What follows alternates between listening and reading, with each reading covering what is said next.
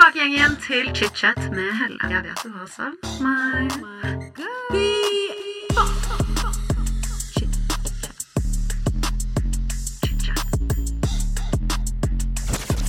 I dag får jeg radiolegende og musikkekspert Kristine Danke inn i studio.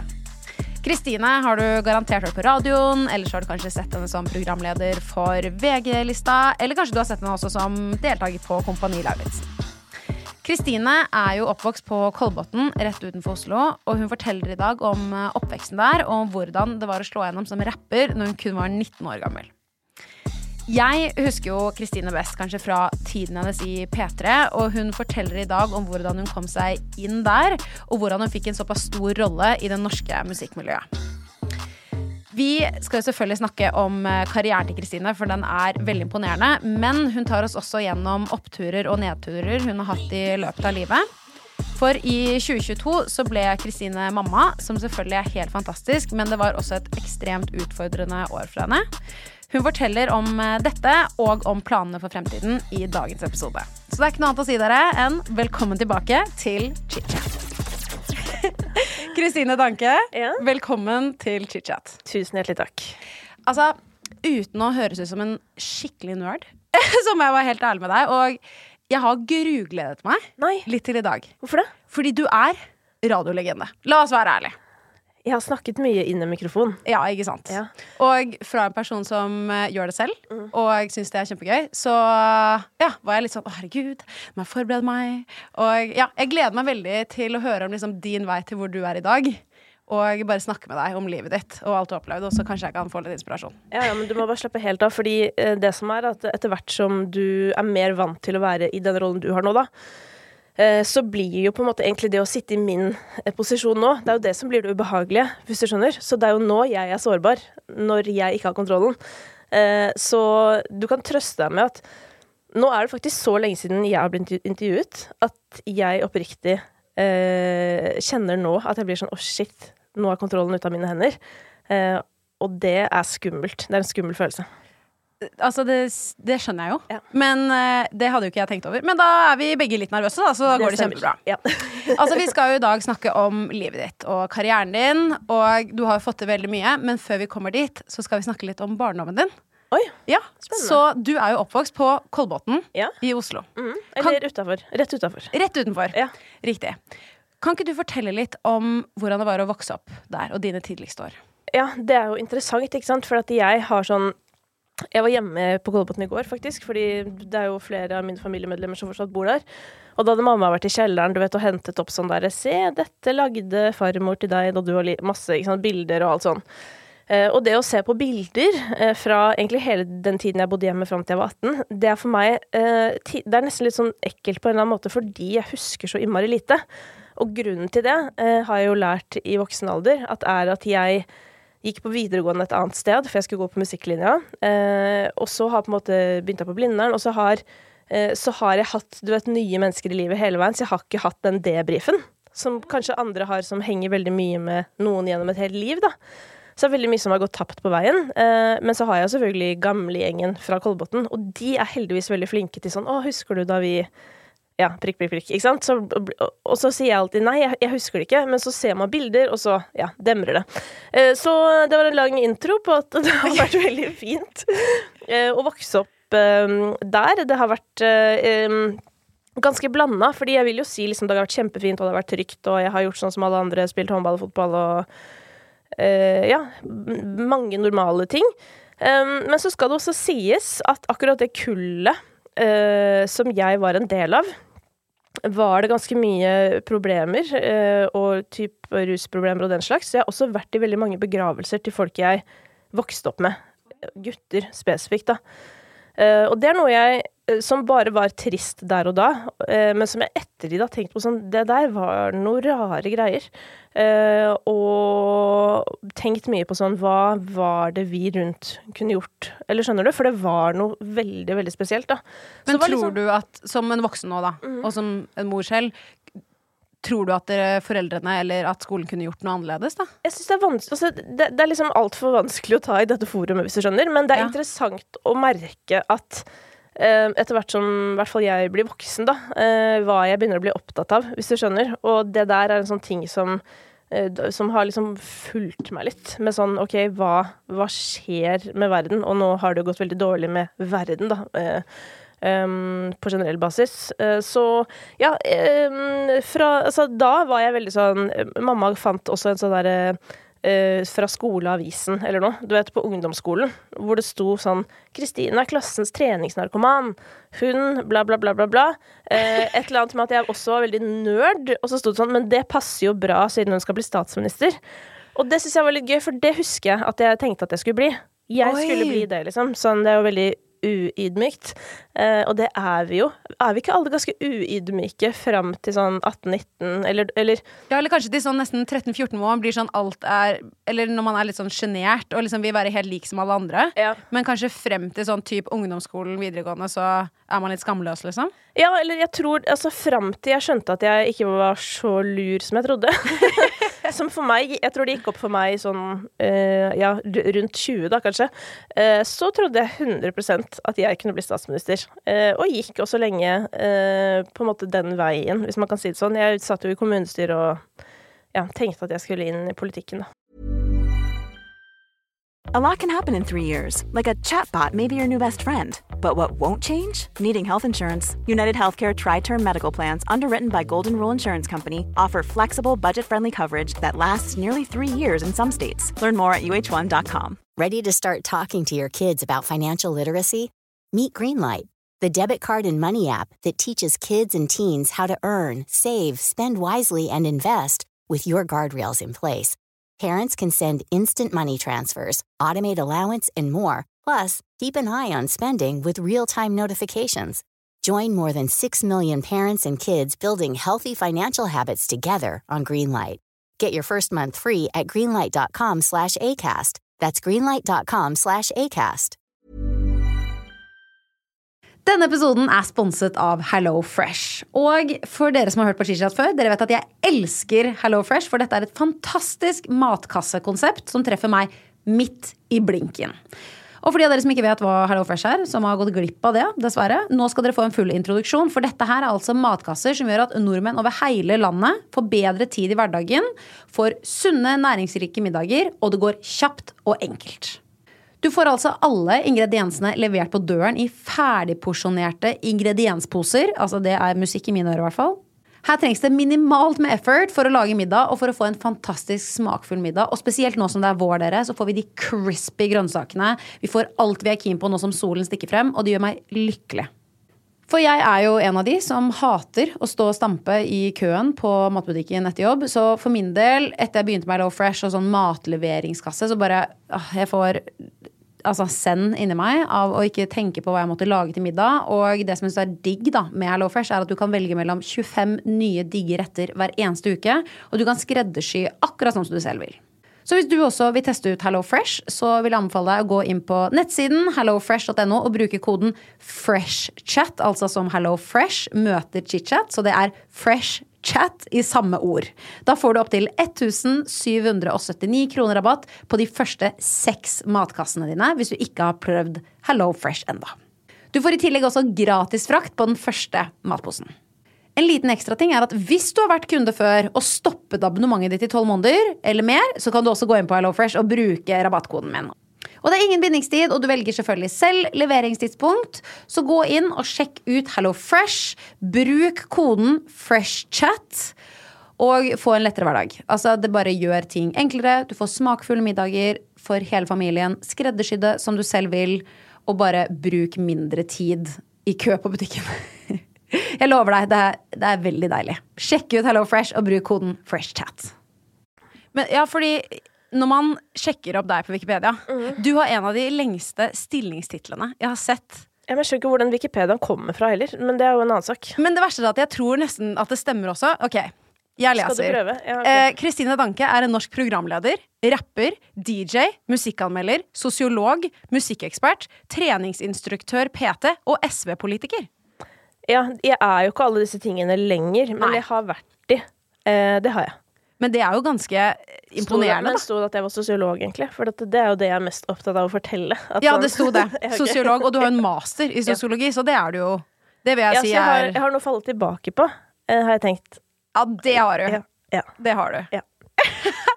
jeg elsker dette. Du fremstår jo veldig selvsikker i dag, og når jeg har hørt på deg utallige ganger og sett deg på VG-lista og alt mulig, så ser du sterk ut i deg selv. Var du sånn i tenårene også? Jeg tror kanskje det, men på en annen måte. Um, og med det så mener jeg at uh, jeg, føler at Jeg pleier alltid å si sånn der at det skjer noe når du blir 27, ikke sant? Fordi fram til uh, både i tenårene, men også utover i tidlig 20-åra, så er det veldig lett å være sånn Jeg bryr meg ikke om hva alle andre sier, og jeg er meg. Hurra, liksom. Um, og så Men så er det på et eller annet tidspunkt at du begynner å mene det. Det tar veldig lang tid. Og for meg så begynte det kanskje rundt 27, eh, at tryggheten begynte å komme, og så nå og så har det bare blitt mer og mer. Um, men jeg var nok, og tilsynelatende, veldig trygg i meg selv tidligere, fordi jeg ikke hadde noe spesiell kontakt med magefølelsen, som jo er noe som har gått opp for meg, eller noe som jeg har vært nødt til å ta tak i da, i senere år, fordi jeg gikk litt på en smell i kraft av at jeg hadde sluttet å ha kontakt med magefølelsen. Eh, og det var nok et resultat av veldig mange år med sant, mye greier som du da leste opp fra Wikipedia. Det er jo én ting hva som står der, men eh, noe annet, og kanskje liksom viktigere, er jo at jeg har vært veldig glad i å gjøre ting som jeg kanskje ikke har hatt folk rundt meg som har holdt på med. For eksempel at jeg begynte med hiphop, da, eh, når det liksom var, var da en annen dame eller noe i Norge som hadde noe med det å gjøre. Eh, og det var veldig vanskelig på den tiden, fordi det er sånn, når jeg skal prøve å forklare unge artister sånn dere er så heldige som er artister nå! Mm, ja, ja. Fordi nå er det så god stemning, og alle liksom heier på hverandre, og det er bare en helt annen greie. Sånn var det på en måte ikke før, og det det er jo bare ett eksempel på en sånn ting som på en måte kvinner ikke skulle holde på med, eller hva jeg skal si, som jeg gjorde på tross da, av det, men som jeg fikk betale for, i, for, betale for i kraft av tilbakemeldinger. Eh, det var jo ikke sosiale medier back in the back in the days. Ja, men- Nesten fantastisk, egentlig, kanskje. Fordi ja, men det var jo forum, og det var andre Ja, måter, og det var liksom Folk var ikke så varme og hyggelige med hverandre, og det var en ganske annen greie, så det eh, Måten Altså, de tilbakemeldingene og det derre Altså, jeg måtte på en måte være så tøff eh, for å komme igjennom at eh, det gikk jo 100 på bekostning av eh, mitt indre liv, på en måte. Eh, så jeg, min teori, da, eh, dette har jeg også bearbeidet selvfølgelig, men laget en teori om at jeg har bygd en mur, ikke sant, fra eh, Jeg aner ikke når jeg trengte å bygge den første gang, det var sikkert kjempetidlig, sånn, du vet. En eller annen lærer som ikke så deg, eller jeg vet da faen. Eh, og så har den muren bare blitt høyere og høyere og høyere, og til slutt så eh, Noe jeg har uttalt før, er jo at jeg tror at jeg har vært en person det har vært vanskelig å bli glad i. Um, Er det noe du faktisk vet, eller er det noe du Nei, har det- trodd? Nei, det er ikke noe jeg vet, men jeg vet jo at tidligere så uh, kunne jeg bli oppfattet som en veldig sånn hard person. Eh, og det tror jeg handler om den muren, fordi at når du eh, setter opp noe for å beskytte deg, så selvfølgelig, du beskytter deg jo mot alt det negative. Men det jeg har lært i ettertid, da, og som jeg er utrolig opptatt av nå, er jo at det også Den muren stenger jo ut alt det positive også. Så du er jo ikke åpen for øh, og på en måte Du er ikke åpen for kjærlighet. Fordi jeg var ikke sårbar, så jeg kunne heller faktisk da egentlig aldri bli elsket på ekte. Um, Ja, det er jo litt av en konklusjon da du Ja. har kommet til her. Tror du at dette er mye av grunnen til at du har slitt mye med angst? Uh, jeg i tror voksen alder? Jeg vil ikke si at jeg har slitt mye med angst, eller det vil si, ikke sant, fordi alle som har hatt eh, eller har panikkangst, vet jo hvor heftig det er når det står på.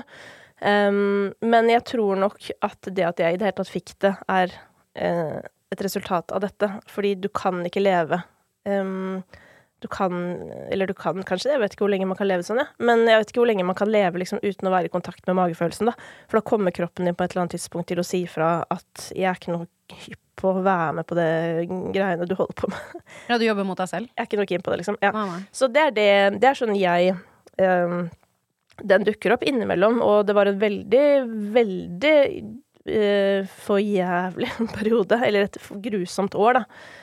Eh, det var det. Men ehm, så har det jo gått stadig bedre. Men så nå når det dukker opp eh, ja, i disse dager, holdt jeg på å si, eh, så tar jeg det som en påminner, egentlig. At sånn nå driver du med et eller annet som du ikke skal. Ja. Det er jo magefølelse. Det er en, det er en venn. Min beste venn. Nei da. Men det er sånn Du vet, det er sånn psykologer sier sånn se på det som en venn, og bla, bla. Men hvis du klarer det, så funker det faktisk ganske bra.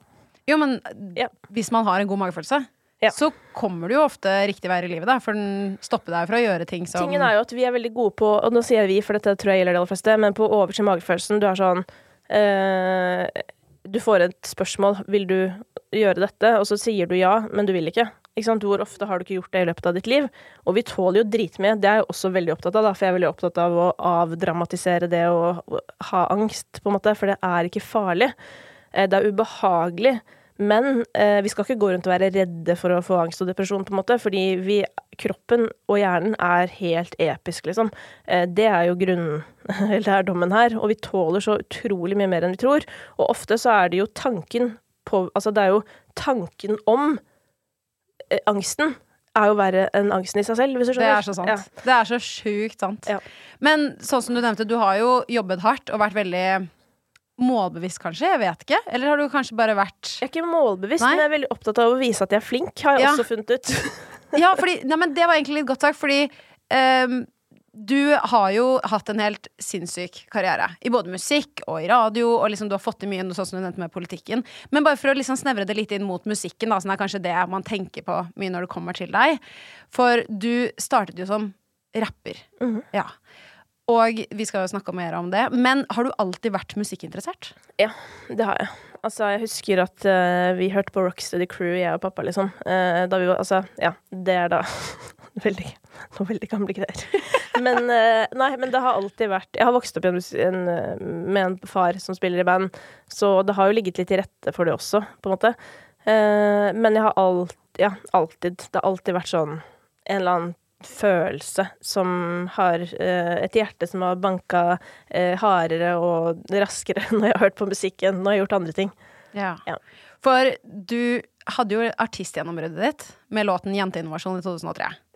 På den tiden var du 19 år, og det var jo ikke så mange jenter som rappet på den tiden, sånn som du har eh, nevnt selv. Men hvordan var liksom den perioden i livet ditt, når du gikk inn i den sjangeren? Det var jo først og fremst bare kjempegøy, liksom. Og det var jo en liksom spennende tid, for det var jo, det var jo liksom sånn Karpe begynte å skje, holdt på å si. og Onkel P og Dirty Oppland. Og det var på en måte eller Det var jo veldig sånn i starten av at det sånn på ekte begynte å skje Det hadde jo skjedd ting før dette, men, men det begynte å skje liksom Altså, hiphop begynte å bli en stor greie i både Norge og Skandinavia, da. Eh, og så hadde vi jo liksom noen i Sverige, jeg husker det var en artist som kalte seg for Feven, som var liksom Som jeg så, litt opp til, og hun var liksom Ja. Eh, gjorde veldig kule ting, og så var det selvfølgelig flere internasjonalt. Men Og der og da så var det bare sånn eh, Jeg tror ikke jeg tenkte sånn voldsomt over at jeg var alene, eller at liksom folk ikke heide på meg. Selvfølgelig jeg ble lei meg når jeg leste stygge ting om meg selv på forum og sånn, men Forum, ass! Ja, forum. For en tid! Never forget, men du vet, Kvinneguiden fins jo fortsatt. Så det er jo, vi er jo ikke ferdig med den tiden, men Det er så eh, sjukt Ja, at den ikke liksom er lagt ned. Ja, eller at folk fortsetter å poste så mye at den er så Ja, aktiv. folk trenger svar ikke sant, på de store spørsmålene i livet. Det være seg eh, bleier eller følelser, hvis du skjønner. Og derfor så er jo Forum vil jo for alltid bestå, tror jeg, da. Men um, det var eh, Nei, jeg tror liksom der og da så var det bare gøy, liksom. Um, og jeg, husker, jeg har blitt spurt mange ganger sånn hvorfor slutta du og sånn. Og jeg, jeg, jeg veit da faen, jeg. Jeg husker ikke. Jeg aner det var et eller annet som dukka opp, da. Men, men, eh, men eh, sett i retrospekt, ikke sant, så hadde jeg begynt artistprosjektet mitt Hadde jeg vært 19 år i dag, så hadde jeg jo mest sannsynlig kanskje vært artist. Ikke Ja. Fordi at da hadde jeg hatt folk rundt meg. Folk hadde applaudert heller enn å rive ned, hvis du skjønner. Og det hadde vært en mye mer sånn um, fruktbar eh, tid, da, ikke sant? hvor det er lov å eksperimentere, hvor det er lov å være annerledes, og hvor det er lov å liksom gi ut ting selv om det ikke er perfekt. Og, ja. Så jeg, igjen da, så er jeg bare sånn dette, Og det her er ikke noe sånn som jeg tenker sånn fy faen, men det er jeg. Det er, ikke så, det er mer sånn at jeg bare tenker sånn Fy søren, så heldige dere er nå. og dere folk bor i Norge, liksom, og det at man i det hele tatt kan ta seg råd, hvis du skjønner, eller ta sjansen på å satse på drømmen sin, da, det være seg musikk eller andre ting. Nei, Det er veldig sant. vi må aldri glemme at vi organisatorisk sett er utrolig heldige. Ja. Ja. Helt sjukt heldige.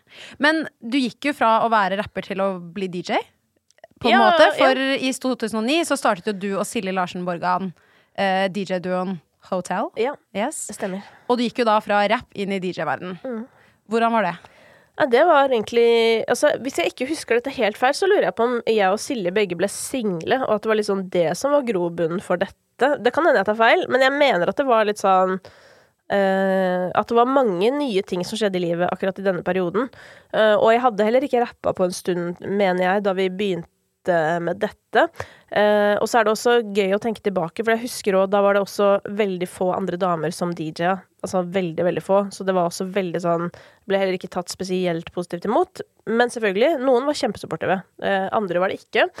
Og jeg eh, lider jo av det jeg kaller for kvinnesykdommen. At hvis jeg skal gjøre noe, så må det bli gjort eh, veldig bra. Fordi eh, jeg har ikke lyst til å bli tatt på noe.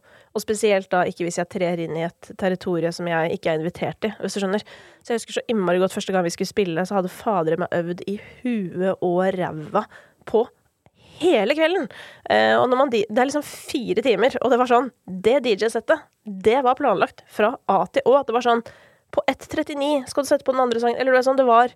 Og det, ja, det var jævlig helt- ja, mye jobb når det er fire timer, da. Um, og det er jo sånne Det er liksom På en måte så er jeg sånn Å, så bra at det var sånn, og så bra at jeg liksom føler så ansvar for å gjøre ting på ordentlig. Det er jeg jo skikkelig glad for. Og sånn i jobben min at sånn jeg, Det jeg leverer fra meg, det har jeg gjort ordentlig, liksom. Samtidig, da. Du kan ikke gjøre alt i livet ditt ti av ti. Ikke sant? Hva slags liv er det, liksom? Det er ikke noe gøy. Og da får du ikke noe gjort nesten heller. Nei, fordi- og hvem er det du liksom Ja. Hvem er det du prøver å imponere? Det er jo det jeg alltid, som jeg spør meg selv om hver dag. Sånn, hvem, jeg, hvem faen er det jeg skal imponere, da? Jeg skjønner ikke hvem jeg prøver å imponere. Det er, det er ikke liksom Er jeg ikke ferdig nå å imponere? Jeg skjønner ikke. Eller kanskje noen aldri blir imponert, selvfølgelig. Men nei, det er, det er um, Ja, det Men samtidig, da. Så har jeg begynt å omfavne da, denne rare motivasjonen jeg har, eh, om å vise at jeg ja, men jeg er flink. Jeg kan noe, liksom. Eh, det er jo litt eh, trist på den ene siden. På den andre siden så har jeg begynt å tenke sånn Det er så sinnssykt sterk drivkraft. Ja, det var akkurat det jeg skulle Ja. si. Dette er jo den sterkeste bensinen du kan helle på ditt eget boll. Liksom. Ja, så jeg får heller bare ta vare på meg selv på andre områder, hvis du skjønner. Og så bare eh, omfavne at eh, min motivasjon på sett og vis er litt stusslig, men men hva kan man gjøre, liksom? Jeg er jo bare et produkt av min egen historie, og sånn ble det. Mm, Ja. Og den ble jæskla bra, det skal jeg si. Men du og Silje gikk jo fra å være DJ til å få deres eget eh, radioprogram på P3, som gikk hver lørdag mellom åtte og ti. Hvordan kom dere dere inn fra DJ til liksom P3-verden? For det første så må jeg si at dette er jo en vei jeg liker veldig godt at ting går. Ikke sant? At man gjør en ting fra før, og så får man en jobb. Um, og eh, jeg har veldig respekt for eh, høsling gjennom reality for å bli kjendis og sånn. Det har jeg oppriktig. Men deretter så blir jeg veldig opptatt av sånn Nå må dere få deres ting. Ikke sant? Hva er din ting? Hva er du i verden for å formidle? Hva er prosjektet ditt? Altså, man må, skjønner du hva jeg mener? Ja, jeg skjønner Fordi det er sånn, er du hypp på å være kjendis for å være kjendis? Altså, du setter deg jo selv opp for katastrofe, for du har jo ikke noe fundament i bånn. Um, så det å heller på en måte gjøre en ting, for så å bli hentet inn Skjønner du? Ja, det, selvfølgelig. det, burde, det må flere gjøre, da. Uh, så dette er, jeg, dette er en egen episode, hvis du skjønner. Det her, ja, dette det. brenner jeg så innmari for, og det er så mange unge folk som ikke har et prosjekt, og de kommer på ville veier, men nok om det. Um, så ja, så vi leverte en pilot, fordi det var en som skulle slutte. Så det var en sånn pilotkonkurranse, som det heter. En pilot, det er et testradioprogram, da kan man si. Um, så jeg tror bare vi og mange andre liksom leverte da en test, altså en prøve. Vi hadde spilt inn noen greier og noe greier. Uh, og så fikk vi det radioprogrammet. Uh, men så begynte Silje å jobbe i et plateselskap, og det var jo da ikke helt forenlig med å jobbe i uh, P3, fordi Conflict of interest. Ja, og Yes. så videre. Mm. Eh, så da, eh, etter hvert så slutta hun med det, og så fortsatte jeg der, og begynte jo etter hvert også å jobbe i P3. Um, men vi eh, spiller fortsatt sammen. For du begynte jo da i 2011 som programleder for musikkprogrammet Kristine. Som er jo liksom det jeg husker deg veldig godt fra, da. Ja. Som var ja. Det er fælt at noen sier sånn 'det husker jeg deg fra', for da føles det sånn at det var 100 år siden. Men det, det begynner absolutt å bli en stund siden, så det går bra. Jo, men så man hørte på det fast, da. Ja, at man liksom var fast lytter, man kunne skru på, man visste cirka når det var. Litt sånn som andre radioprogrammer, på en måte. At og så føler jeg på den tiden at det var jo radio Radio var the shit. Ja, da, man hørte på radio. Ja, ja, det var en helt annen greie. Jeg, jeg rakk det akkurat, som jeg pleier å si. jeg rakk akkurat at folk hørte på radio. Men hvordan føler du at det programmet på en måte forandrer karrieren din? Ehm, jeg føler egentlig at det um, Altså, forandret uh, jeg fikk, Det var jo på en måte en ny jobb, så sånn sett så forandret det jo. Men jeg vil jo si at det egentlig bare bygde på alt jeg hadde gjort før. Igjen, ikke sant? Og det er igjen det der at jeg opplever uh, at jeg har stått stødig, selv om jeg var veldig nervøs da, så skal sies. Og dette var jo i 2011, det var jo på den tiden hvor det fortsatt ikke var greit å holde på med all slags musikk, hvis du skjønner. Å ja, hvordan da? Eh, Eller hva Nei, altså typ sånn ehm, Rapp på norsk, for eksempel, var litt sånn Det var fortsatt litt sånn halvkleint, eller Kanskje rapp på norsk var greit, men R&B på norsk, altså Stig Brenner sin spede start, liksom, det var sånn vi som ikke Altså utenom vi få som syntes det var fett, så syntes alle det var helt jævlig, liksom. Og sånn skikkelig, nå er det nerd, hvis du driver Ja, med dette sånn, på en sånn måte? Nei, mer sånn der, bare hva er, hvem er det de tror de er? Det var veldig sånn indie. Det var fortsatt populært med indie-rock og veldig sånn, du vet, Oslo Gryta sin egen lille musikksmak, og at musikkfolk var veldig sånn snobb, altså kulturelle snobber, nesten.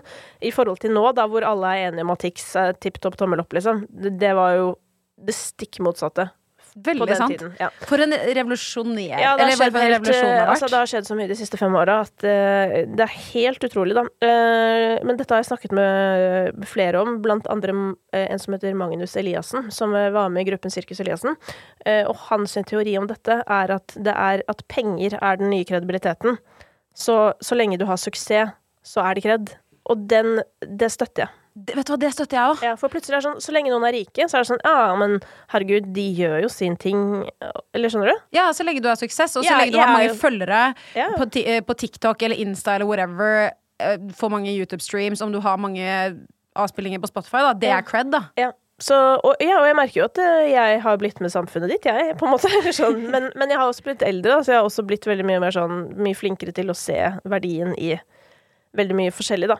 Eh, begynne å sette pris på ting på en annen måte, skjønner du? At Ja. sånn Ja, der jeg før kunne være sånn Fy faen, hva er det han Eller så er jeg sånn der Men han er jo veldig flink til å være Man på blir jo påvirket av alle rundt seg, da. Og så Ja. føler jeg også at musikksjangeren min har blitt så bred. Ja. Altså, jeg kan rocke til det det er, liksom. Og så kan jeg høre på Arctic Monkeys, og så kan jeg høre på liksom Vinni, da. Mm. Altså, det går liksom opp og ned. Men du er sikkert i takt med folket, da, fordi at sånn som eksempel Spotify jobber, de jobber jo etter det de kaller for mood, og det gjør radio også nå, som handler om å gi deg musikk til det humøret du er i. Det der er så sant. Og den Ja. algoritmen, hvis folk ikke vet at Spotify vet alt om deg, så er du dum. Fordi det der er den sykeste algoritmen. At, det der, at de klarer å sette sammen ut ifra hvem du er med, hvor mobilen din har vært, hvilke områder du om, altså, omgås i, og hvem du er med, da. Det er helt vilt hvor spesifikt det kan være, da. Ja, og jo mer du bruker, jo bedre blir jo algoritmen. Eller verre, Ja. da. Alt ettersom om du liker den eller ikke. Alt ettersom. Jeg, altså, når jeg så på min Spotify Wrapped Oh my lord! Det var sånn så alle begynte å poste. Jeg bare, jeg skal faen ikke poste. Mest Ble du flau? Jeg ble ordentlig flau over meg selv. Hvorfor det? Men det var bare en Altså, For det første så er det alltid bare sånn Jennifer Lopez med en eller annen sånn dansesang på toppen, og så blir jeg flau av meg selv. For jeg ser for meg selv stå hjemme på badet, jeg elsker det, Ja. ta på meg litt maskara, synge litt med, rette håret litt og bare yeah, yeah, yeah. Ja. Føle meg selv. Men du kan jo ikke Ja, men herregud, det blir jo ikke bedre enn det. Nei, det Og så etterpå så er det altså en grinesang med John Mayer, hvor jeg syns synd på meg selv, og så går vi rett opp i Tix. Ikke sant? Det høres ut som livet. Det er livet. Men jeg elsker det egentlig, altså. Virkelig. Så det må du igjen, det, det må du omfavne, ikke sant? Jeg gjør det. Jeg hadde David Guetta på min topp, ikke sant. Sånn, sånn er det. Sånn er det. det. sånn skjer. Og nå ble jeg glad. Ja. Nå, vi, nå følte jeg at vi var litt like, liksom. Ja. Dette her var godt å høre. Ja. Herregud. Men når du fikk jobben din i P3, Mm. det med Kristine, var det din idé? Pitchet du da ditt eget show, på en måte, eller var det en jobb du søkte for? Ja, jeg søkte på den. Jeg har søkt på den mange ganger. Det er jeg også veldig opptatt av å fortelle. Um, hvor mange ganger jeg liksom uh, skrapte på døra uh, og sier sånn Kan jeg please komme inn? Uh, jeg er her! Eller du vet sånn, for den jobben Jeg jobbet i P3 før jeg begynte å ha det programmet. Um, så det hadde slutta folk flere ganger, hvis du skjønner. Men jeg fikk ikke jobben. Um, så det var egentlig sånn Egentlig hadde jeg på en måte gitt opp uh, da jeg til slutt endte opp med å få den jobben. Uh, fordi da var jeg egentlig på vei til å finne på helt andre ting her i livet. Men så ble den ledig, og så var jeg litt sånn ja, En siste sjanse-aktig. Ja, men da bare følelsen Jeg vet ikke hvor mange ganger jeg hadde på en måte ymtet frampå eller søkt på jobber eller før det, da, men det var mange. Um, og da, ja, da ble det jo sånn, da. Og så var det egentlig bare sånn, OK, hva skal det hete? Og dette, det var bare en periode hvor alt bare het eh, navnet til programlederen. Og for eksempel på BBC og sånn, så, som P3 jo da, i hvert fall på den tiden, så veldig opp til, så het ofte eh, programmene navnet til, til programlederen, da. Um, så det var egentlig bare sånn Det var utgangspunktet, og så var det bare at dette skal være P3s musikkprogram. Og det her er jo det beste med å jobbe i P3, er jo at innafor rammen, da, ikke sant, vi skal være P3 sitt musikktilbud, så kan du måtte løse det hvordan du selv vil. Uh, og det er jo det som er det jeg setter 100% mest pris på fra min tid der. Det er jo at altså alt jeg har fått liksom utvikle, og for meg som blir veldig gira av å få en sånn mulighet. Altså, noen blir jo lamma, ikke sant, for da blir det sånn Å, men da kan jeg gjøre alt. Ja. Og så får man ikke gjort noe, hvis du skjønner. Um, men jeg har alltid vært sånn Dette husker jeg fra jeg var liten. Lekt postkontor oppe på rommet mitt. Hvis du skjønner, og har vært på postkontor og stjålet sånne lapper som man hadde før, og kjøpt, fått meg stempel og bare hatt Altså, jeg har hatt det så bra, da, ikke sant. Tenkt at sånn, fy faen, håper jeg kan jobbe på postkontor når jeg blir stor. Uh, og sånn merker jeg at jeg har det med veldig mange ting i livet. Um, også det derre å få den muligheten, at du kan gjøre hva du vil. Og så bare sånn Ja, men da, da Jeg tar den. Da gjør jeg hva jeg vil. Og på en måte dere strekker den strikken og fyller dette med så mye jeg kan, da. Uh, og det er veldig positive med det, som jeg også eh, oppfordrer uh, dette hvis, hvis, man kunne gi noen motivasjon, så ville jeg gitt en veldig spes... Eller jeg vet ikke om jeg skal kalle det motivasjon, men hvis jeg kunne gitt en gave til noen, så er en av gavene jeg ville gitt, eh, dette med å se eh, spennende ting i alt. Fordi jeg er liksom ikke noe redd for å jobbe på Hvis jeg må jobbe på Kiwi eller noe. Eller Mm. på kaffebrenneri eller Se det positive på en måte Nei, men sånn oppriktig, jeg elsker varetelling. Altså, jeg syns det er gøy. Uh, I dag var jeg på barnehageinnkjøring med kiden min, og så Jeg syns egentlig barn uh, er litt uh, Jeg har ikke vært så glad i det opp igjennom. Nei, men da er vi to. Det er Men- deilig å høre noen Men så sitter jeg der, og så ser jeg på de unge, og så er jeg sånn der Fader, hvis jeg nå liksom Hvis jeg legger bort på en måte alt jeg ikke får gjort fordi jeg er her, hvis du skjønner, som jo Men det er en sånn sykdom vi har i hodet, ikke sant. Begynner å tenke bare fader skulle gjort det og det og det. Er ikke så ille, det her. Nei, selvfølgelig er det ikke Ja, det. så går jeg bare inn i rollen som barnehagetante, fordi det er rart å sitte og observere Altså, for det er sånn eh, Når man driver med, med dette, da, så må man sitte Så er man bare der for barnet sitt. Men så sitter jeg og tenker sånn Fy fader, så irriterende for de som jobber her, at jeg er her. Jeg bare sitter her, liksom. Eh, så da prøver jeg heller sånn Begynner å snakke med de andre og sånn. Men tenker jeg også sånn Dette kunne jeg gjort. Jeg, jeg, jeg føler ikke at liksom jeg må ha en eller annen type jobb for å bli fornøyd i livet. Og hvis du klarer Hvis du, hvis du er sånn, så er eh, hvert fall så merker jeg jeg er ikke redd for å ta sjanser. Jeg er ikke redd for at liksom, bedriften min skal gå til helvete. Fordi hvis den går til helvete, da jobber jeg på jeg, Kanskje jeg jobber på Meny, da, for der er det eh, ferskvaredisk, ikke sant. Så kan jeg du vet, bestille inn litt fisk og deilige råvarer. Sånne Men det ting. her er jo egentlig helt nydelig, fordi eh, dette er nesten litt sånn worst case-tenking. Hvis du skjønner hva jeg mener. Sånn, ja, men hvis det, ikke dette bortsett fra at det er ikke worst case engang. Nei, nei, det er akkurat bare Sånn, Det er en positiv det er en vinkling på det. det Da blir det noe annet gøy. Ja. Det er sånn øh, Og det tror jeg at um, um, Det der å se Altså, se verdien i sant? Hva, hva er egentlig det gøyale med jobben din? Dette, kanskje det her er sykt for folk, jeg vet ikke, men for meg er det på en måte Jeg har arbeidsglede. Jeg, jeg elsker å arbeide. Jeg, kan ja, også, jeg jo... kan også måke snø. Eller er sånn, det, det er ikke så farlig. Du ønsker å Du bare vil utrette noe. Ja. noe, liksom? Ja, og når jeg går hjem på slutten av dagen, og så ser jeg sånn Jeg klippte den podkasten, jeg flytta disse papirene, eh, jeg publiserte dette greiene. Da har jeg sånn Å, fy fader, det er så deilig å se på det du har gjort. Ja. Men det er jeg helt enig i. Jeg, jeg sier jo til min partner jeg elsker hverdag. Så jeg vil, hvis vi skal først skal ha ferie, da må jeg ha noe å gjøre i ferien. For jeg blir gal. Jeg blir tullerusk. Ja. Hvis jeg bare Å, det var lenge siden du har hørt. Tullerusk. Ja, sier mamma. sant? Men det, for eksempel det å dra på, til Granka og sole seg, Mm. det, det er sikkert deilig, det. Men jeg klarer ikke. Jeg klar, da, må jeg liksom, da sitter jeg og redigerer på stranden. Eller liksom gjør det. Jeg, bare, jeg også liksom liker å se at ting blir gjort. Om Ja. det er å vaske hjemme, eller om det er å gå tur med bikkja mi, og så får jeg trent og så spiser jeg sunt. Det er også en ting å gjøre, ja, men jeg må bare gjøre det. When you're ready to pop the question, the last thing you want to do is second guess the ring. At Bluenile.com, you can design a one of a kind ring with the ease and convenience of shopping online. Choose your diamond and setting. When you find the one, you'll get it delivered right to your door. Go to Bluenile.com and use promo code LISTEN to get $50 off your purchase of $500 or more. That's code LISTEN at Bluenile.com for $50 off your purchase. Bluenile.com code LISTEN. Life is full of awesome what ifs, and some not so much, like unexpected medical costs. That's why United Healthcare provides Health Protector Guard fixed indemnity insurance plans to supplement your primary plan and help manage out of pocket costs. Learn more at uh1.com. Ready to start talking to your kids about financial literacy? Meet Greenlight, the debit card and money app that teaches kids and teens how to earn, save, spend wisely, and invest with your guardrails in place. Parents can send instant money transfers, automate allowance, and more. Plus, keep an eye on spending with real time notifications. Join more than 6 million parents and kids building healthy financial habits together on Greenlight. Get your first month free at greenlight.com slash ACAST. That's greenlight.com slash ACAST. Men når du da Det med P3, at du organiserte, og du åpenbart liksom lagde da Kristine P3-showet på en måte til din verden. Kunne du da på en måte bestemme all musikken som ble spilt der, eller var det på en måte bestemt fra før? Mm, ja, det var bestemt fra før. Ja. Sånn er radio. Eh, I hvert fall stort sett all dagtidsradio blir på en måte bestemt av et, en egen gjeng. Eh, og så, så hver morgen når jeg kom på jobb, så på en måte hentet jeg bare inn en fil og droppa den inn i et program. Og så bare lå sangene der. Okay. Så det er på en måte det som er imellom, eh, som man jobber med, da, kan du si. Ja, Ja. Som intervjuer og hvem man får inn, og hva man snakker om og sånn, eller? Ja. Ah.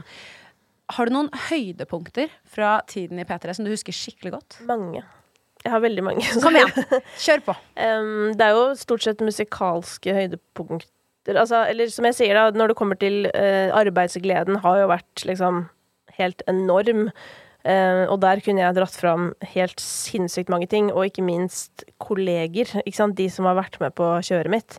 Um, det er jo noe som jeg ofte liksom tenker at jeg er takknemlig for, også den dag i dag. Altså de som er med på kjøret i disse dager. Um, men musikalsk oh, Det er liksom vanskelig, fordi når man nevner noen, så burde man nevnt noen flere, osv. Men um, Så det må bli litt sånne ting som kanskje er knyttet til meg personlig, da. Eh, Men en ting som jeg brenner veldig for, er jo å kombinere eh, musikk, psykisk helse og fysisk aktivitet. Ja. Em, så jeg har ved et par anledninger, eh, eller tre anledninger faktisk, gjort liksom radiosendinger fra Marka. Altså fra Oslomarka, hvor vi har vært på Kobberhaughytta, Ullevålseter og Rustadsaga. Um, og det har vært sånn megahøydepunkt for meg. Uh, gå skitur med lytterne. Altså inviterte lyttere til å møtes på Frognerseteren. Gå skitur til Kobberhaughytta. Der sitter Sondre Justad og venter. Spiller for oss. Uh, Dette høres magisk ut. ja, Dette høres Sånne helt sjukt ut, faktisk. Det er litt sånn drøm, det, Drømmejobben min er å gjøre sånne ting, hvis du skjønner. Hvis du skal gjøre sånne ting, kan jeg være en av de som blir med da? For dette her høres helt fantastisk Ja, ut. jeg skal nok og mest sannsynlig gjøre det i mer av det i år. Ehm, så det er liksom det, det må jeg trekke frem som høydere. Og så har det vært flere sånne, vet, sånne store konserter med greier som har vært gøy. Og så er det sånn Selvfølgelig gøy å gjøre sånne store programlederting og sånn, men det er jo mer sånn adrenalinkick der og da. Um, men det er jo egentlig kaller, liksom, Man er jo avvikler. Man trykker på play men man snakker Eller skjønner hva jeg mener? Så det er jo på en måte Det er jo kanskje ikke et sånt sted hvor det er plass til masse kreativitet. For der er det litt sånn Snart kommer den artisten, men først kommer denne, og så Ja. Ja. Eh, men, men så det er gøy på mer sånn Ja, på adrenalinmåten. Bare sånn Å, fy faen, nå må man skjerpe seg på ekte. Og at det, man taklet det på en ja, måte også. Ja, det elsker jeg også, for Ja. jeg elsker at ting er vanskelig. Og sånne ting er jo litt vanskelig, spesielt til å begynne med. Uh, men jeg har også noen sånne musikalske ting som stikker seg ut. Og blant annet så Det er en artist som heter Ylva, uh, som er en ganske ung artist. Hun er sjukt flink. Ja, fra. Kristiansand. Og hun eh, Da hun var liksom helt eh, i startfasen, så husker jeg at hun var på besøk hos meg, og så skulle hun gjøre en julelåt. Eh, eller var sånn julesending, et eller annet. og så skulle hun da covre Falter av Jarle Bernhoft, som nå på en måte har blitt en litt kjent låt etter at han var med på Hver gang vi møtes, og Stig Brenner gjorde den nå. Ja. Eh, men da gjorde de to den sammen i en duett, og det er sånn øyeblikk som bare som sitter ved meg den dag i dag, altså sånn veldig. Eh, Stig, apropos Brenner, og Lars Vaular covret eh, Mask Off, en veldig kjent rapplåt, men gjorde den på norsk og kalte den Masken av. Det var et kjempehøydepunkt. Eh, Ylva også gjorde Urettferdig, altså en cover av Hakim, som jeg aldri kommer til å glemme. Og så har det vært vet, Astrid og Kåre Cezinando. Det har vært mange sånne covere som har vært helt episke. Eh, men eh, et siste øyeblikk jeg kan trekke frem som tok meg på senga, for det er kanskje de sjukeste øyeblikkene som du aldri glemmer, når du bare tar deg selv i at sånn Fuck. Jeg begynner å hylgråte, og jeg mener ikke sånn litt rørt en tåre, men sånn Du vet sånn at du ikke får Ja, ja. gråting Og det skjedde eh, da Amanda Delara eh, skulle bare spille sin egen sang, som heter Nå er det oss. Hun ga jo ut et sånn norsk eh, EP. Eh, og det her er, det er ganske lenge siden, men jeg satt der, og så begynte jeg å tenke på kjæresten min. Og altså, det, det, jeg, jeg kan Ja, nå kjenner jeg det igjen. Nå kommer det, ikke sant? Det rakna for meg, altså. Eh, både fordi det var jævlig bra, men det, det her ikke sant? Nå er vi inne på det essensen av hvorfor gidder jeg å holde på med å snakke om musikk. Noe veldig mange bryr seg om musikk, veldig få er interessert i å høre snakk om musikk. Så hvorfor gidder jeg? Og dette er grunnen. Fordi fortell meg hvilken annen ting i livet som berører på den måten. Nei. Mm. Altså, det er jo fantastisk, da. Ja. Det er jo så fint. Men hva tror du det er med den sangen som får deg til å bli så rørt? Er bare at alt som jeg klarer å koble på Nå er det jo unge nå, da. Eh, Så nå klarer jeg ikke å høre på Arif med Hellig lenger heller.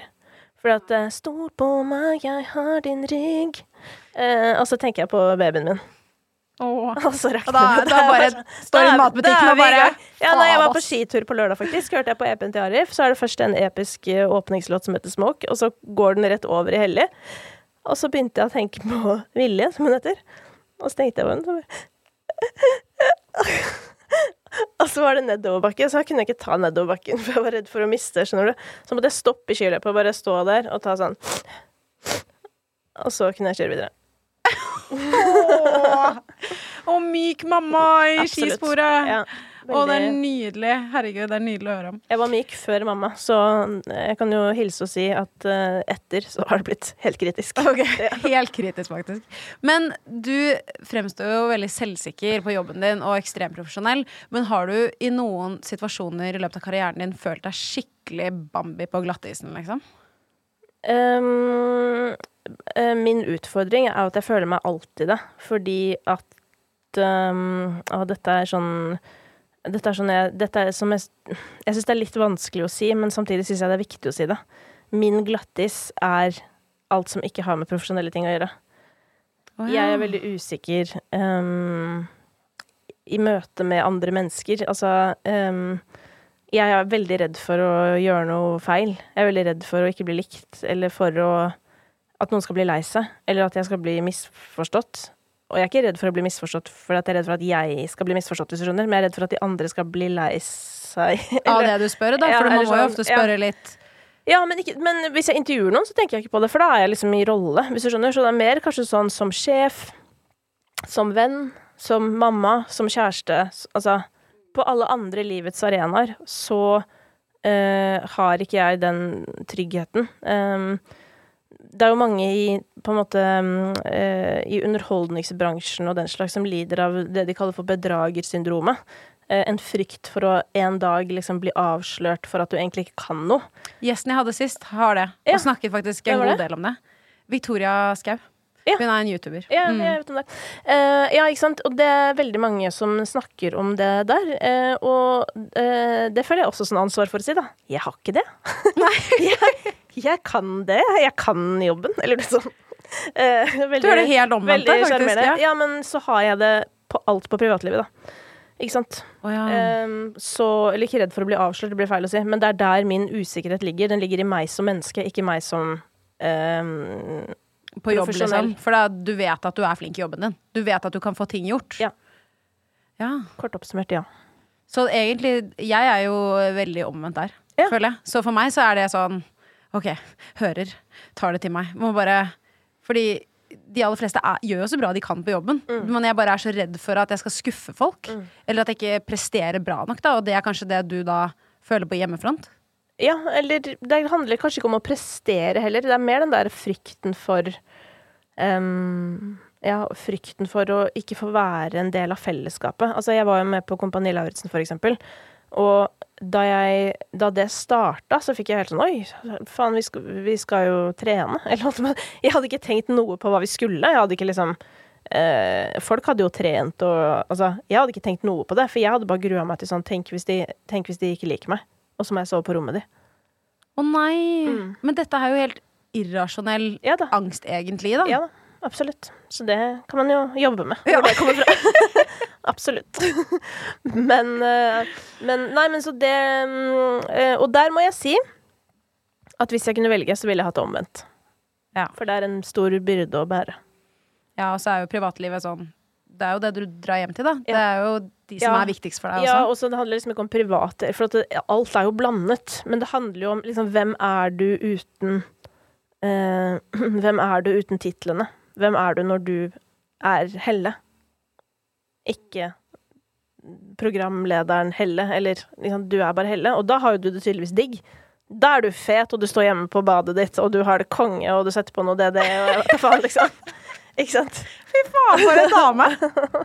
Herregud, men det verste er at det er litt sånn. Ja. Fordi jeg bare Jeg har kontroll i livet mitt. Da. Jeg er Ja. liksom ikke jeg, jeg, altså Dette høres kanskje skikkelig litt sånn dritt ut, men eh, jeg er sånn hvis ikke en person liker meg, så tenker jeg your loss. Ja, og dit, det er drømmen min i livet. Drømmen min, liksom. Oppriktig i livet. Er eh, punkt én at datteren min skal føle det. Og så at jeg skal føle det. Det kommer på andreplass, for det har gått så lenge nå. Har det gått snart, altså, det har gått mange år. Det er ikke noe krise hvis det ikke skjer. Jeg har lært meg å leve med sånn jeg er. Men drømmen i livet mitt er at sånn skal datteren min bli. Jeg, jeg vet ikke om det kan kalles selvsikkerhet, eller hva det egentlig er, men jeg bare det er god det er en- selvfølelse. ja. Ikke sant? Fordi det vi snakker om, er jo forskjellen på selvtillit og selvfølelse. Ja. Jeg har god selvtillit. Ja, eh, og jeg har god om- selvfølelse. Ja. Ja. Mm. Dette har jeg egentlig aldri tenkt så mye over, men eh, det er jo en så stor del av egentlig meg, uten at jeg egentlig kanskje har reflektert noe over det i det hele tatt. Mm.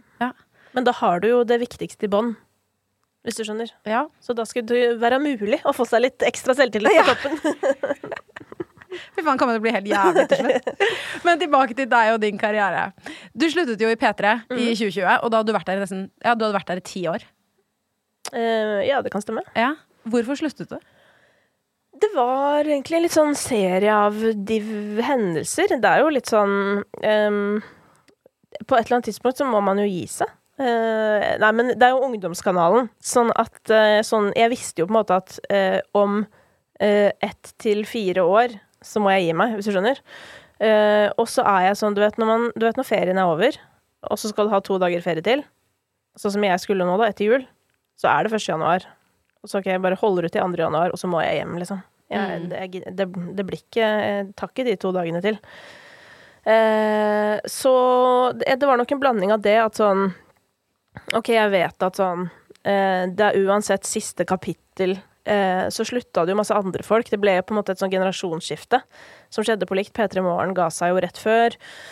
Um, og Ja, da, det er veldig sant. ja, Mm. så var det liksom sånn når det da kom til sånn OK, skal vi Skal vi bli eh, Skal vi være sammen, eller skal vi liksom gå hvert til vårt?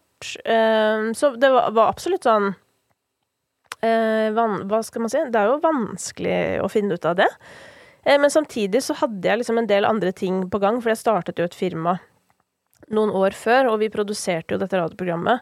Uh, Er det vrang? ja. Ja. Og det startet jeg jo egentlig utelukkende fordi um, jeg etter hvert hadde et sånn veldig stort ønske om å organisere akkurat det radioprogrammet selv. Så det, Vrang ble egentlig startet bare ene og alene for å drive Kristine på P3. Eh, Men så begynte det bare å skje masse andre ting, og så var det litt sånn Nei, skulle man holdt på litt med dette, da? Drive litt firma og, og sånne ting. Uh, og dette er jo igjen, ikke sant, fordi det er ikke så farlig for meg hvis jeg må jobbe på Kaffebrenneriet, da, for jeg hadde elska det, ikke sant. Uh, jeg vet jo hvor viktig de som jobber der, er i mitt liv. Så hvis jeg kan være det for noen andre, hadde det sikkert vært kjempebra for selvfølelsen min nå, ikke sant. Eh, for det er jo kanskje ikke denne bransjen først og fremst. Samtidig, når du blir tryggere i deg selv, for det er jeg jo eh, mer enn jeg var før, så, så kan man møte utrolig mange liksom dritfine folk, og ikke minst få så mange viktige, ja, viktige menneskemøter, da. Også her, som alle andre steder. Men eh, nei, så da Men dette også er sånn der Jeg husker nesten ikke eh, akkurat hvorfor det ble akkurat da, og ikke et halvt år senere, eller Men da ble det i hvert fall da. Ja. Og så har jo da det bare gått sin gang, da. Nå- Og så hadde du jo et produksjonsselskap, Brang, da, så du visste ja, jo på en måte at du kunne jo fortsette Jeg hadde jo masse jobb. Ja. Altså, jeg visste jo at jeg hadde jobb, ja. Eh, og så syns jeg jo det er gøy å gjøre Som jeg sa, jeg syns det er gøy å gjøre Eller jeg syns det er eh, viktig å gjøre ting som er vanskelig. Um, fordi hvis ikke så uh, Nå kommer det en klein setning. Uh, blir man uh, passasjer i sitt eget liv. På deg en T-skjorte. Takk for meg. Ja. Ny tatovering. Det er deilig. Ja. Men Vrang har jo blitt et stort produksjonsselskap nå. Og dere har jo masse podcaster. Driver dere med noe annet enn lyd, egentlig? Vi drev jo egentlig mer med bildet eh, Ja. lenge. Eh, fordi det vi gjorde ved siden av å lage Kristine på P3, var at vi gjorde en del eh, sosiale medier-ting for andre. Altså type TV-serier og den slags. Um, og det er sånn jeg alltid har syntes har vært litt sånn søtt. Altså sånn, fordi altså, eh, alle som produserer lyd og bilde, altså TV, radio og den slags, uh, det er jo veldig forskjell på størrelse på selskapene. Og jeg har alltid tenkt at sånn, vi er et lite selskap, og det skal vi fortsette å være. Og vi kan være, du vet, den de store ringer når de trenger hjelp, på en måte. Ja. Så det har vært litt sånn egentlig det som har vært strategien vår. Og så av en eller annen merkelig grunn, som jeg faktisk Jeg veit da faen hvorfor det skjedde. Så har vi bare plutselig blitt, blitt et sånn podkaststed. Ja, for dere er jo nå veldig store. Dere har jo blant annet Ida med hjertet i hånden, og har dere ikke? Jo, jo. Ja. Eh, jo og det Det kan jo hende at Ida med hjertet i hånden er litt av grunnen til det. At eh, den ble um, Den gikk veldig bra. Um, som var Altså, det kan man jo ikke vite. Man kan jo ikke vite at det skal gå bra. Nei, nei. Det, det er jo og, Men vi var heldige med timingen, tror jeg. Akkurat i tide, liksom. Vi rakk det akkurat. Eh, Fordi nå er det veldig vanskelig å bli stor. Hvis man begynner nå, uansett hvor kjent profilen er fra før, på en måte, så er det vanskelig Absolutt. å etablere seg. Sånn at um, men, men eh, nå høres det ut som eh, det At ikke det er positivt, for det er det. Så ikke misforstå. Men men det er interessant å se hvor livet tar deg. For at eh, jeg skulle aldri starte noe podkastselskap, hvis du skjønner. Så det er bare sånn Oi, sånn ble det. Men vi gjør, vi gjør jo det, og så gjør vi Vi gjør litt TV, og kanskje etter hvert litt mer av det. Det er i hvert fall det jeg har lyst til. Ref at ting må bli litt vanskelig, så må prøve å gjøre litt vanskelige ting. Og så gjør vi òg litt sånn Du vet, sånn profilting, da. Ikke sant? Ja. Prøver å jobbe litt sånn Jeg er veldig glad i Altså, jeg liker alt. Jeg har, jeg føler at det, det hviler en misforståelse over meg for de som eh, vet noe om meg, da. De fleste vet jo ikke det, men for de få som vet, Ok. så føler jeg at jeg ofte kan bli litt misforstått som at jeg er litt sånn hipp og smal. Eller skjønner du? Det er sånn hun musikkdama, hun er liksom Skal bare gjøre sånn kule ting. Jeg har litt. Litt den følelsen. Eller ikke det at du er hipp og smal, men bare det at du er liksom er veldig på liksom veldig kul musikk. Ja. Og liksom henger veldig med i tiden. Er liksom litt fet. Ja. Men Og det jeg, ta, jeg er gjerne det også, altså. Men eh, med det sagt, så er det sånn eh, Hvis du skal invitere én på seminaret ditt om hvordan du kan jobbe med annonsører og hvilke, og hvordan du skal selge deg inn Eller hvis du skal invitere fem, da, Ja. så er jeg en av de Ja. som du vil ha der. For jeg elsker det, liksom. Det er det beste jeg vet. Elsker sånn herre Men du er jo eh, eh, Du har Altså sånn Dette handler om hjertet. La oss ringe noen som også jobber Eller skjønner du? Det er bare jeg skjønner men... ja, jeg, jeg elsker å jobbe kommersielt, da. Um, og jeg har liksom Jeg har veldig sånn brede Mye bredere interesser, tror jeg, enn det folk tror. Ja. Det har du helt garantert. Nå fikk jeg bare så sykt mye tanker inn i hodet mitt her nå. Fordi jeg bare tenkte sånn på alt du har gjort, og hvor veien din har liksom rullet. Fordi sånn som du sa, at du, du ante ikke at du skulle ende opp her. Men litt på det personlige plan også. Du har jo som sagt gjort helt sjukt mye. Men i 2016 så gikk du ut og snakket veldig åpent om at du kanskje ikke møtte en vegg, men du slet med angst og panikkangst. Kan ikke du fortelle om hvordan du har klart å liksom jobbe deg gjennom det, og fortsatt liksom er såpass sterk i karrieren din, da? Jo, det er jo um, Altså, jobbe meg gjennom altså det, uh, Jeg gikk absolutt på veggen, ja. Å ja, ja, ja. Uh, absolutt. Ikke, ikke tenk på det. Um, men jeg føler at den derre eh, frykten for å gå på veggen, holdt på å si, har liksom blitt så stor, fordi eh, Kanskje litt som et resultat av all åpenheten, ikke sant? Eh, og åpenheten er megaviktig, eh, fordi all den tid liksom folk er deprimerte og får angst, og så skjønner de ikke hva det er, så har vi jo åpenbart ikke snakket nok om det. For det burde man jo forstå.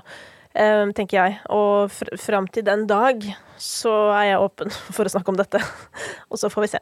Men um, Nei, men så uh, uh, Noe av det første jeg kanskje måtte ta tak i Dette vet jo også alle som har slitt med det samme, men det er jo angsten for angsten, da. Man blir jo så redd for å få angst at det Det er altså Det er den store ulven altså, som ja. står bak ryggen, liksom. Virkelig. Ja. Og mm. dette var jo det vi var inne på i stad. At liksom tanken om er mye verre enn det faktiske, holdt på å si. Og vi lider jo veldig mye under tankene våre, og jeg tenker jo jævlig mye, så jeg lider jo eh, dessverre litt mye. Um, men uh, jeg synes det er sånn Jeg må jo si at tiden, liksom, er jo en ting man Eller jeg i hvert fall måtte ta til hjelp. Uh, men det går jo, dette angstkjøret det går litt i perioder, og det tror jeg det gjør for mange. I hvert fall hvis du uh, lider av panikkangst, som jo i mitt hode er et signal om at det er for mye av et eller annet. Ikke sant? Noe, blir, nå blir det for mye, og så er det siste dråpen i begeret, og så uff, kommer det. Um, og da uh, tenker jeg jo at det å ikke bli så innmari redd av at det føles ut som nå kommer det, ikke sant? Fordi at det, uh, det jeg jobber med Dette må jeg jobbe med hver gang det kommer, ikke sant? Det, det, du må justere, og det er liksom ikke Det trenger ikke å være noe mer enn det. Um, men jeg er kjempedårlig på det selv, og det er jo sånn i perioder hvor uh, livet står på som verst, så får jeg he... Nei, nei, nå Så er det sånn Simon, Simon, nå er jeg faktisk veldig dårlig, og nå Ikke sant? Så har vi det gående. Så jeg kjenner meg igjen. Ja. Og så er han bare sånn Åh, kan du gå i dusjen? For at jeg blir bedre når jeg dusjer, da. Og så er det ikke sånn at du tar en dusj, og så går det over. For da er det sånn kalender, ikke sant. Alt stresset kommer. Men eh, jeg kan jo ta et veldig dagsferskt eksempel, som er at eh, jeg har hatt en veldig stressende start på året. Fordi jeg har veldig mye å gjøre. Eh, og det kan jeg på en måte gjøre noe med, men så er jo det også pes å gjøre noe med. For at det krever jo en del å omorganisere masse greier. Eh, men jeg hadde en eh, dag på lørdag hvor jeg skulle kansellere hele denne uken, ikke sant? Men så her kommer vi jo til veldig praktisk psykologi. Hva gjør jeg? Sender jeg deg en melding og sier 'jeg kommer ikke i dag'? Nei. Fordi det jeg gjør, er at jeg da bestemmer meg for at sånn, OK Én dag om gangen. Ja. Fordi nå er vi liksom der at enten nå så, så, stresser jeg så mye at jeg blir sliten, og at jeg faktisk må ta en pause. En lengre pause. Eller så må jeg klare å finne pusterom hver dag. Eh, og litt etter litt så er jeg tilbake i vater. Og det er krevende. Det er meget krevende øvelse, vil jeg si. Men for hver gang, i hvert fall jeg klarer å leve på den måten og ta en dag om gangen eh, Og så er det jo litt sånn Hvis alternativet uansett er at jeg må slette hele neste uke, så er det ikke noe farlig om jeg må slette i morgen. Eller, sånn, Nei, ikke sant. Liksom, Hvis det går til helvete, så ja, går det til helvete uansett. Så det er sånn, ja, det er liksom noen perspektiv. Og, sånn der, og så, ikke minst, bare se litt rundt deg det er jævlig mye stress i verden. Det der er veldig sant. ass. Og jeg også har den der tankegangen på lørdag og søndag sånn ja. Dette går ikke. Nå, mm. Denne uken må jeg bare ha off. Og så kommer mandag, og så er man sånn OK, bare drit i tirsdag. Jeg bare driter ja, i det. Og ikke minst bare sånn Det er jo elementære ting. Bare få en Altså, det skal jo Jeg skal jo hilse og si at mitt nå eh, Min hjerterytme for tiden kommer jo av elleve måneder med søvndeprivasjon, ikke sant? Så det er jo helt andre krefter Søvndeprivasjon? Ja, eller at, jeg, at du har blitt fratatt søvn, da. Oh, ja, ja, ok, ja. Sorry. Ja, det, yes. her, det var blindernspråket, det beklager jeg. Men vi, vi, er liksom uh, um, Det er også kjempeviktig, tenker jeg, å huske at sånn For det er så innmari fort å gå til sånn Å nei, å nei, nå, nå er jeg stressa og føler jeg meg engstelig. Bare, å, faen, jeg er så taper, ass. Jeg får angst. Og så bare sånn Og så blir du plutselig deppa fordi du hadde angst. Eller, ja. Fordi hjernen, den er jo episk, som jeg sa i stad, men den er òg ganske tilbakestående når det kommer til akkurat dette. Eh, så det handler om å være litt sånn bevisst på hva du driver med. Ikke sant? For vi kan jo drive oss selv ganske langt av gårde til et grufullt sted. Eh, men vi må vite det, og derfor må vi snakke om det. Fordi vi må lære hva som skjer. Det er jo også helt For eksempel da sånn OK, du har ikke sovet, og du har ikke spist, på en måte. kjempelett å få angst. Det er bare sånn, det er ren Det er bare fysikken din. Ja, ja. Det er vitenskap. Det har ikke en dritt med at du er noe spesiell eller eh, Det har ikke Skjønner du? Veldig sant. Ja, og disse Og så tingene- vet vi det egentlig så godt, men så gjør vi det gang på gang. Ja, men mange, vet, bare mange Ah, vet ikke òg, ikke sant? Og det er derfor de må lære det på barneskolen. Ja. Ja.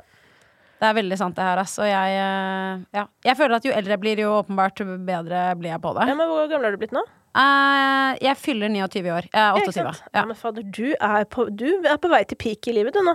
Du, jeg, som jeg sier til alle, jeg Ja. tror jeg piker sånn midten av 30-årene. Fy Ja, ja, faen, jeg gleder meg. Ja, ja, ja, det blir bare Jeg trodde også at, det, at, jeg, at liksom peak var sånn 35-6-aktig. Ja. Men nå har det gått et par år til, og jeg syns øh, Ja, så fikk jeg unge og fikk ikke sove, da.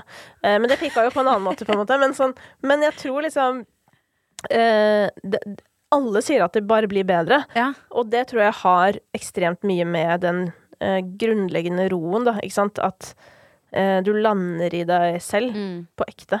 Men mamma mener jo livet hennes piker nå. Og hun er jo 60. Ja, men det sier jo alle de gamlingene. Det er sier akkurat det. Ja, Så det blir det blir bare bedre og bedre. Du må bare passe på fysikken. Fytti grisen, ass. Det er sant. Ja. Ja. Holde oss aktive. Hi, this is Paige from Giggly Squad, and I want to talk to you about Splash Refresher and my water intake. Okay, so you guys obviously know that I'm a hydrated girly, but sometimes when you drink that much water, it starts to just taste bland, and you're just like, I need something to spice it up. That's why I love Splash Refresher. It has zero sugar, zero calories, and it's a splash of sweetness. And they come in five different flavors. They're so good. Wild berry, acai grape, pineapple mango, lemon, and mandarin orange. My favorite is the wild berry because I just I just love a berry. So if you're like me and you're drinking water all day, then try Splash Refresher. It's going to absolutely change your water game and it's good for you.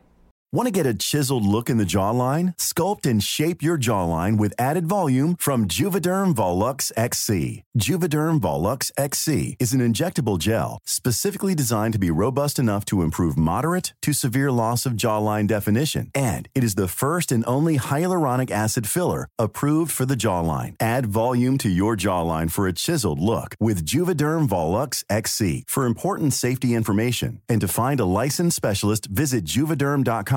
That's J U V E D E R M.com. Not for people with severe allergic reactions, allergies to lidocaine, or the proteins used in Juvederm. Common side effects include injection site redness, swelling, pain, tenderness, firmness, lumps, bumps, bruising, discoloration, or itching. There's a risk of unintentional injection into a blood vessel, which can cause vision abnormalities, blindness, stroke, temporary scabs, or scarring. Talk to a licensed specialist to find out if it's right for you. Visit juvederm.com. That's J U V E D E R M.com. This message comes from BOF sponsor eBay.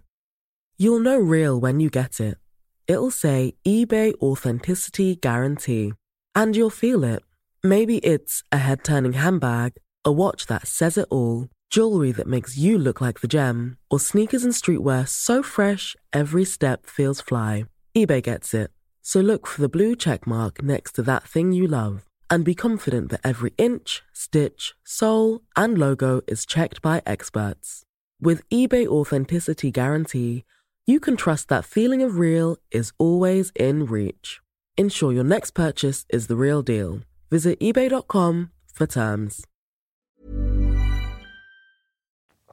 Men du har jo, altså 2022 for din del var jo et ganske sjukt år. Var det det? Ja, Var det ikke det? Du fikk jo fikk unge. unge. Ja. Du vant en gullrute. Ja, det Ja. stemmer. Og eh, som du har skrevet mye om på altså, mye mye, Du har skrevet om det på Instagram at du gikk jo gjennom noen prosesser med kroppen din. Altså, det var liksom mye som skjedde for deg. da Ja. Mistet mye søvn. Hvordan vil du klare, å- hvis du klarer, å oppsummere 2022? Uh, nei, det er jo rart når du sier sånn Gullruten, for det er sånn gøy. Det er jo kjempegøy, og det er jo sånn på en måte sånn jævlig fett å ha fått være med på, fordi man vinner jo ikke den alene, for å si det ekstremt mildt. Eh, men det som er interessant, og dette sier jo alle, men sånn utmerkelser og den slags, det betyr lite i livet. Hvis du skjønner. Det er en kjempegøy ting å få en klapp på skulderen, og det er ofte sånn Men det også er nesten sånn derre ting som folk går og på en måte har lyst på, og så får du det. Hva er det du tenker at det skal gjøre for deg, liksom? Fordi jeg Altså Det her syns jeg man snakker for lite om. Ja, det ble det... altså, vi fikk ikke fortsette å lage programmet vi fikk Gullruten for engang. Sånn, Gjorde dere ikke? så det er på en måte sånn eh, Det er jo ironien i det hele, hvis du skjønner. Men, uh, men med det sagt, veldig, veldig gøy. Absolutt. Men jeg tror det er viktig å ta sånne ting for det det er. Kjempegøy. Eh, og, og det å føle seg litt beæret og ydmyk. Ikke sant? At sånn, oi, det at faktisk andre ser og setter pris på det du gjør, det er jævlig gøy. Og det er motiverende. Um, men ellers så var det jo et uh, veldig st- uh, stressende år for både kropp og sjel. Uh, med å få masse sykdom i kroppen. Um, for jeg ble jævlig dårlig og fikk svangerskapsforgiftning, som jo mange får. Men det var, det var ille. Det var ille. Og så kom jo lille gulljenta, eh, som var kjempeliten. Eh, og det var jo stress, fordi jeg hadde plutselig en dritliten baby som jeg ikke visste hva jeg skulle gjøre med. Hvor liten var hun? Eh, Hun var 1,9 kilo. Eh, så det fins absolutt mindre, men for meg eh, Jeg har aldri sett en så liten baby før. Um, men det som på en måte var også utrolig interessant, var bare det der at eh, jeg har alltid tenkt at jeg liksom ikke skulle bli mamma. Eller sånn, det var ikke noe jeg hadde tenkt at skulle skje. Ja, og det uh, har du jo uttalt deg om før også. Ja, men den uttalelsen er veldig misforstått. Jeg vil, jeg vil gjerne spesifisere at det jeg har sagt, er at jeg ikke hadde lyst på barn, men jeg hadde veldig lyst til å få lyst på barn. For jeg hadde Ja. lyst til å ha en tydelig retning, sånn at du vet hva du skal gjøre. Men jeg klarte jo aldri å bestemme meg. Så jeg har jo egentlig blitt velsignet med at det bare skjedde. For da slapp jeg å ta stilling til det. Så jeg er meget takknemlig for at det ble sånn det ble. Um, men det som uh, var det mest uh, Eller veldig mye mind-blowing, da, med å få baby. Men um, noe dere kan tenke litt på det der ute som er usikre? Eller, Ja, det- eller gruer dere, eller hva det måtte være. Vet du hva? Jeg tar alt. Bare Når den babyen er der, liksom det er, på en måte ikke noe sånn spørsmål sånn 'hvordan gjør man dette', eller 'hva skal jeg nå', eller Kommer det naturlig? Gjør det det? Ja, men det der å ta vare på kommer åpenbart naturlig. Altså, har ikke du bikkje? Jo. Ja. Hva er sannsynligheten for at du hadde fått en bikkje inn i huset, så hadde du bare stått og sett på den og bare ikke gjort noe med den? Skjønner du? Det er sånn Det, å, det er så åpenbart! Det, ja, det, er sånn, det, det er dritlett. Så det var helt mindblowing. Bare sånn, å ja, det er dritlett. Det er, bare, altså, det er bare å ta ungen og ta vare på den. Det er dritlett, liksom. Sånn. Det er bare å være med den rett. Det er jo stress med sove, ja. men, men det er ikke noe vanskelig. Du trenger ikke å være noe lur eller noe. Altså, det er sånn Alle klarer det. Eh, så det er veldig greit. Um, og så når det kommer til det der andre, som kommer det natur Altså det der med morskjærlighet og alt sånn, det må man jo også normalisere at det kommer eh, i helt forskjellig tempo for forskjellige folk. Noen bare eh, har det fra første sekund. Andre trenger flere år på seg for å få det. Jeg har vært veldig redd for alle disse tingene selv, men for meg har det eh, gått liksom over all forventning. Så det har vært veldig bra for meg. Men jeg, jeg merker at jeg har nesten fått sånn Nesten som angsten, hvis du skjønner. At sånn der, til alle som er redde eller Får sånn behov for å avdramatisere det òg. Men jeg trenger å høre det. Det er, bare- kjempedeilig. Selvfølgelig, livet ditt forandrer seg, for vi skal jo ikke heller gå rundt og være sånn der Nei, det er bare å dra på løkka, gjøre det du pleier og Nei, det er det ikke. Det er ikke bare å gjøre det du pleier, for det er logistikken fra helvete. Det er det. Det tror jeg på. Det tror jeg på. Eh, men utenom det, eh, så er det jo liksom all kjærligheten og alt det der du ikke hadde fra før, og du kan, du kan ikke sammenligne det med noe, liksom, fordi den, den derre Ikke fuck med ungen min. Den den, den Den trumfer alt. ja, men du kan, Og bare altså, og er den der. blir jo bare mer og mer sikkert òg. Men den ligner ikke på noe annet, på en måte. Så det går ikke Det Ja. Men, er jeg ikke- liker alt det du sier nå, fordi det der å bare Man har jo alle disse tankene, og så føler jeg liksom noen bare elsker å gå gravid, og noen bare elsker å bli ja, Jeg får litt det, sånn Jeg hadde jo helt jævlig graviditet. Ja. Men jeg har til og med tenkt sånn at jeg bare Jeg kunne sikkert vært surrogat for noen. Mener du det? Ja, men fordi du glemmer det. Fordi det er, men det er jo sånn kroppen er. Vi skal jo glemme det, sånn at man Ja. gidder å gjøre det igjen. Men um, Men det der gir meg motivasjon. poenget er at alt går livet, jo faktisk. over, ikke sant. Det er sånn Det går over. Det er Ja. ikke noe Altså, og, og jeg tror jo også litt sånn som jeg er med med jobb og sånn, at sånn, det, er, det er ikke så farlig. Kanskje ble det sånn, eller så kanskje det ble sånn, eller det, Og det, det er litt jeg føler nå, sånn Ja, da, fikk, da kom Vilje, liksom. Herregud, hun er jo helt legende. Konge, da ble det sånn. Og så skal Ikke sant. Det er på en måte sånn uh, jeg, jeg er utrolig tilhenger av å bli med dit livet tar deg, uten å høres helt sånn svevende ut. Ja, men jeg liker det. Men det er ikke vits å kjempe imot verden, hvis du skjønner. Bare Og ikke planlegg for mye, Fordi da blir du enten skuffet, eller så får du ikke oppleve det du kunne vært med på. Det er nettopp det. Og det der å bare Nei, dette var Bare fint. kast deg kast deg- Altså, det går bra uansett. Og det her er jo sånn folk manifesterer. Det går bra uansett. Men eh, det er eh, sannheten. Er at det går bra uansett. Kristine, skal, vi- skal vi ta en dag? Det var en nydelig avslutning. Ja, det var, det var ikke så verst, det. Du, jeg likte det kjempegodt. Men du, det har vært deilig å ha deg i studio i dag. Takk for at jeg fikk komme. Du, Helt nydelig. Tusen takk for at du kom i chit-chat. Veldig hyggelig. Og til deg som har lyttet til denne episoden, hvis du likte det du hørte, så gå gjerne inn i appen og abonner på ChitChat med Helle. Da får du automatisk opp nye episoder hver eneste torsdag. Og hvis du er ekstra grei, så legger du gjerne igjen en review. Det hadde jeg satt kjempestor pris på. Vi høres!